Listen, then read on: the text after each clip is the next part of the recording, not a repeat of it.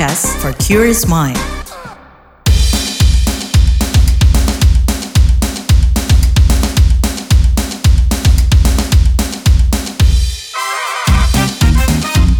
What's Trending KBR Pagi, siaran pagi radio paling update.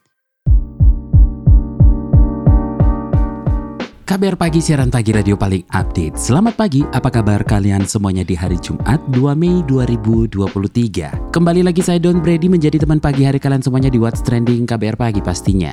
Nah, tanggal 4 Juni 2023 adalah perayaan Waisak nih. Salah satu yang menjadi daya tarik perayaan Waisak kali ini, 32 biksu yang menjalankan tradisi tudong dari Thailand dan Indonesia. Tradisi tudong sendiri adalah sebuah perjalanan ritual yang dilakukan oleh para bante atau biksu dengan berjalan kaki sejauh ribuan kilometer.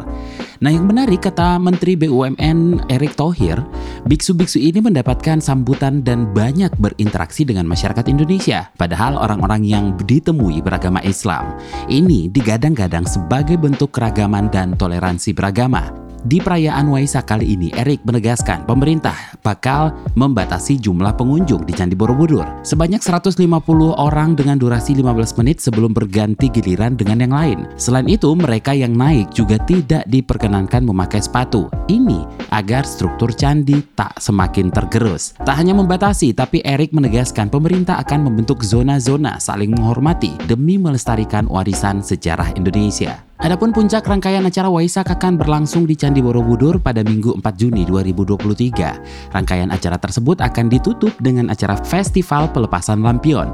Tak hanya bagi umat Buddha, Festival Lampion Waisak 2023 di Borobudur juga bisa diikuti oleh masyarakat umum.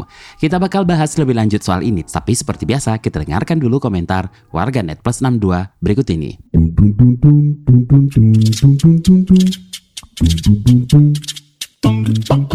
Pertama, at Gus Durian XX Selamat merayakan Hari Raya Waisak bagi umat Buddha. Semoga semua makhluk berbahagia. At Agatha XX Di tahun 2023 ini aku, panitia Festival Imlek Panitia Festival Waisak Ikut merayakan Nyepi, ikut merayakan Idul Fitri Tinggal ke Hillsong lagi Biar genap toleransi lima agama lain kalau at sahabat XX, 60 hari mengabarkan Dharma, badan boleh berpeluh, kaki melepuh, semua dilakukan karena cinta akan sesama. Waisak di Borobudur 4 Juni 2023. Namo Buddhaya, semoga semua makhluk berbahagia.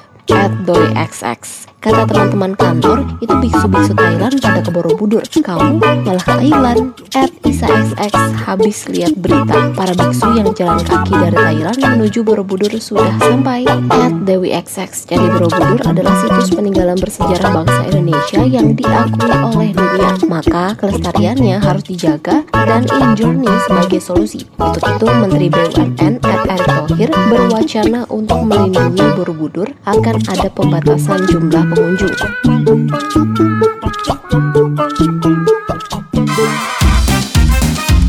What's Trending KBR Pagi, siaran pagi radio paling update. Kita lanjutkan obrolan pagi ini. Nah, Biku sekaligus Wakil Ketua Waisak Nasional, Bante Dhamma Fudo Tera, mengatakan pihaknya sudah berencana mendatangkan umat-umat Buddha untuk beribadah dan mengunjungi Candi Borobudur. Selain beribadah, umat juga bisa berwisata dan membangkitkan ekonomi daerah sekitar.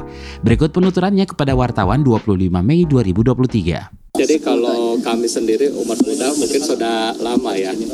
Jadi apa dari 2016 memang kami dengan TWC sudah lama berkolaborasi. Mulai kami bikin uh, ada seminar-seminar internasional waktu itu Pak dan juga uh, terakhir uh, ada buat tentang uh, pilgrim di sana di Borobudur ya dengan harapan uh, sebenarnya dengan harapan kalau tempat ibadah ini Borobudur ini kita bisa bawa umat yang banyak dari luar negeri, otomatis kan masyarakat kita lebih akan mendapatkan manfaat keekonomiannya dari penginapan, rumah makan, kemudian sampai pada akses uh, souvenir dan lainnya.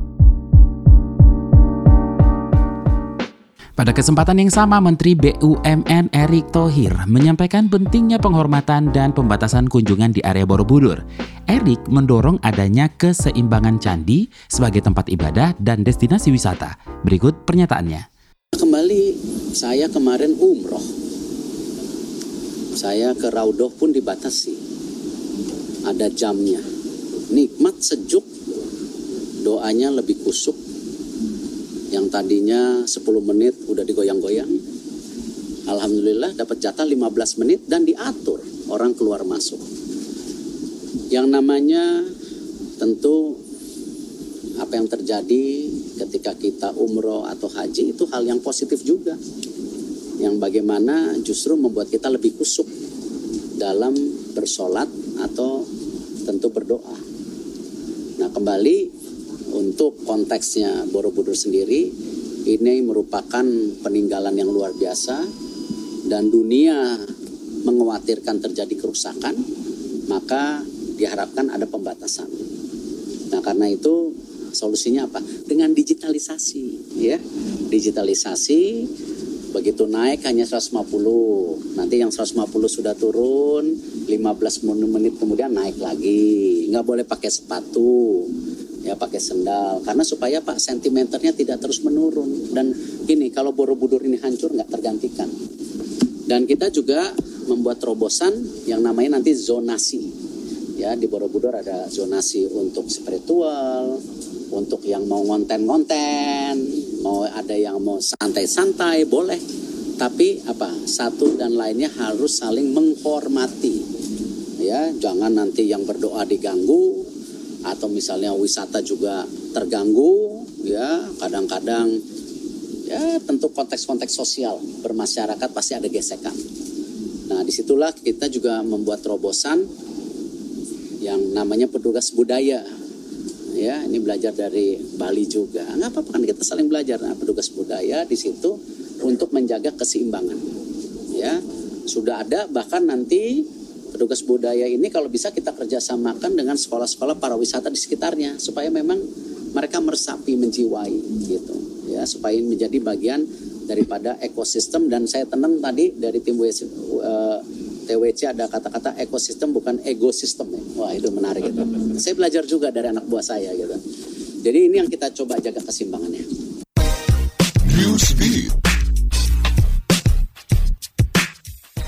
Kementerian Luar Negeri Amerika Serikat menyoroti kebebasan beragama di Korea Utara. Dalam laporannya terungkap, sebuah keluarga di penjara seumur hidup lantaran menyimpan sebuah Alkitab. Kasus ini terjadi pada tahun 2009.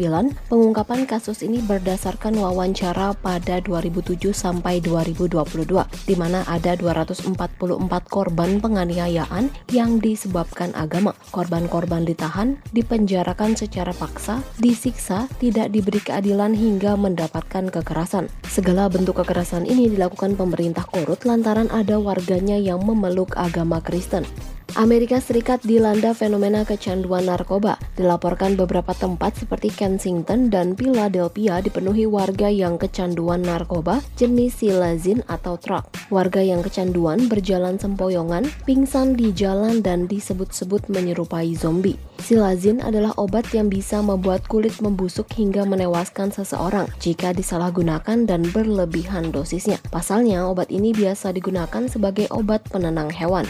Leader boyband asal Korea Selatan RMBTS ditunjuk menjadi duta hubungan masyarakat tim investigasi peninggalan dari Kementerian Pertahanan Nasional Korea Selatan. Pria bernama asli Kim Namjoon itu akan berpartisipasi dalam kegiatan promosi seperti mempublikasi pekerjaan penggalian yang dilakukan oleh tim di Kemenhan. Tim ini bekerja mencari sisa-sisa jasad tentara Korea Selatan dan PBB. Mereka juga mengembalikan jasad-jasad tentara Tiongkok dan Korea Utara yang yang gugur. Nantinya RM akan mempublikasi aksi-aksi kemanusiaan yang dilakukan oleh tim investigasi peninggalan tersebut.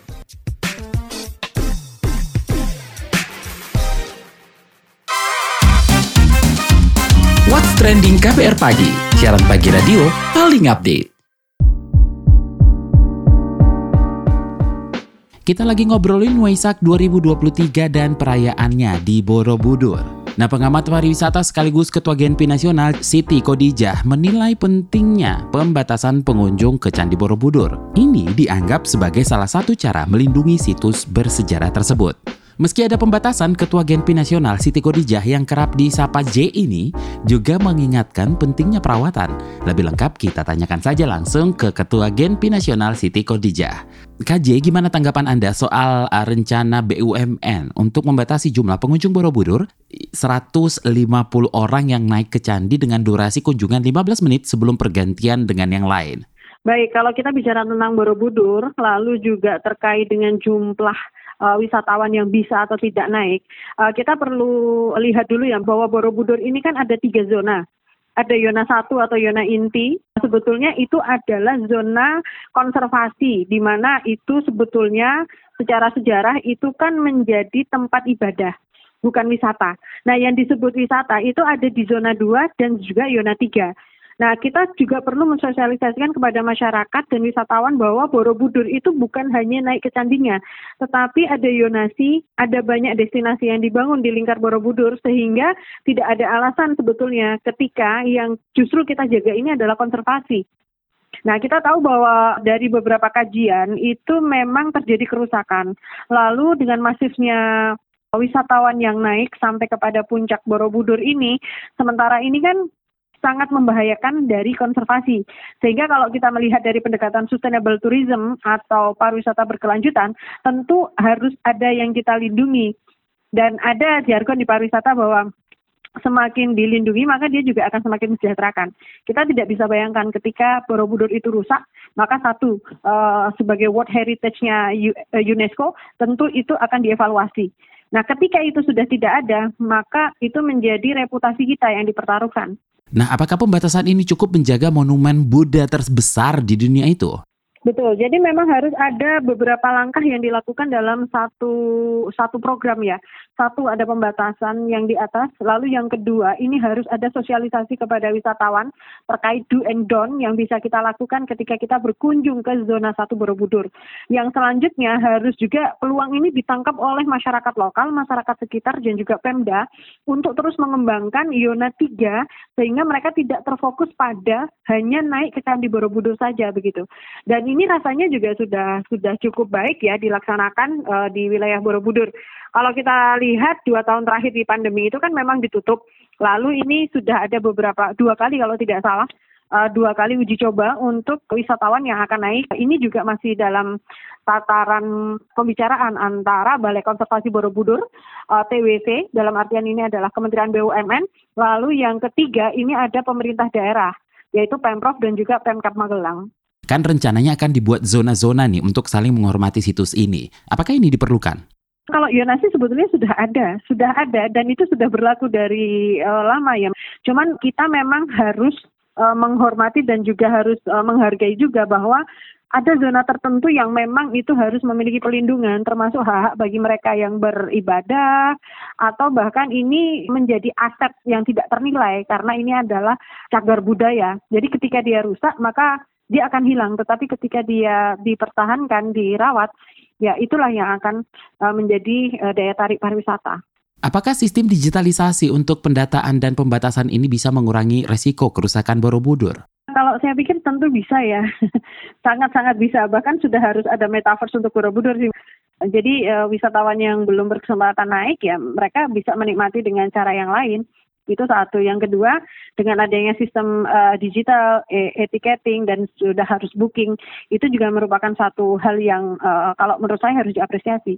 Oke, selain pembatasan pengunjung, adakah hal yang luput dari segi perawatan Borobudur selama ini? Uh, kalau dari perawatan ini saya pikir sudah sangat baik ya dari konservasi ya. Uh, tetapi sementara ini yang mengancam ini kan ada dua hal ya bencana itu kan ada dua, bencana yang sifatnya alam dan manusia. Kalau alam memang kita tidak bisa tanggulangi. Misalkan kemarin ada abu vulkanik dari Merapi. Nah, tentu ini e, konservasinya ya cuma ditutup, dilindungi dan sebagainya. Tetapi ketika kita bicara tentang manusia, ya tentu berarti di sini harus ada edukasi, harus ada hal-hal yang memang diterapkan. Terima kasih Ketua Genpi Nasional Siti Kodijah.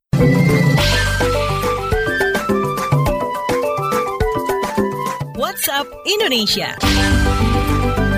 WhatsApp Indonesia dimulai dari Lampung. Dinas Pemberdayaan Perempuan dan Perlindungan Anak PPPA Kabupaten Lampung Tengah mengadakan sosialisasi pencegahan kekerasan terhadap perempuan dan anak, termasuk tindak pidana perdagangan orang TPPO, yang dihadiri oleh masyarakat desa, perwakilan perangkat desa, beserta forum koordinasi pimpinan di kecamatan. Analisa tenaga kerja Andrew SB Gumai, mewakili Kepala BP3MI Lampung, pun menjelaskan mengenai bahaya dan resiko menjadi pekerja migran yang berangkat secara non-prosedural. Selain itu, pada acara sosialisasi tersebut, berbagai trik and tips guna mengidentifikasi penipuan lowongan kerja luar negeri juga dipaparkan. Menurutnya, salah satu faktor hambatan penanganan TPPO adalah penempatan pekerja migran Indonesia adalah minimnya pemahaman masyarakat tentang TPPO. Andrew pun menyebut kegiatan ini dapat memperkuat sinergi antar instansi terkait.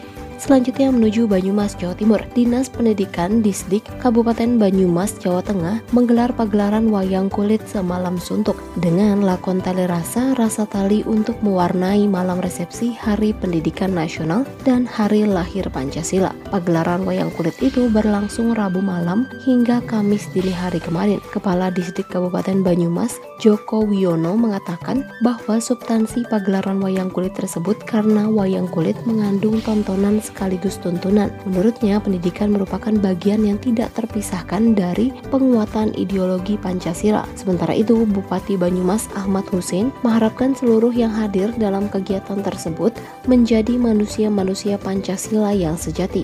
Terakhir mampir Surabaya. Ketua Umum Persatuan Sepak Bola Seluruh Indonesia PSSI Erick Thohir berencana meninjau Stadion Gelora Bung Tomo GBT Surabaya sebelum menjual tiket pertandingan antar timnas Indonesia dan Palestina yang bakal digelar di stadion tersebut pada 14 Juni mendatang. Pihaknya ingin memastikan kondisi stadion apakah sesuai dengan standar. Stadion Gelora Bung Tomo merupakan stadion yang sebelumnya disiapkan PSSI untuk Piala Dunia U20. Rencananya tim Timnas Indonesia akan menjalani pemusatan latihan mulai 5 Juni mendatang untuk mempersiapkan laga uji coba melawan Timnas Palestina. Demikian WhatsApp Indonesia hari ini.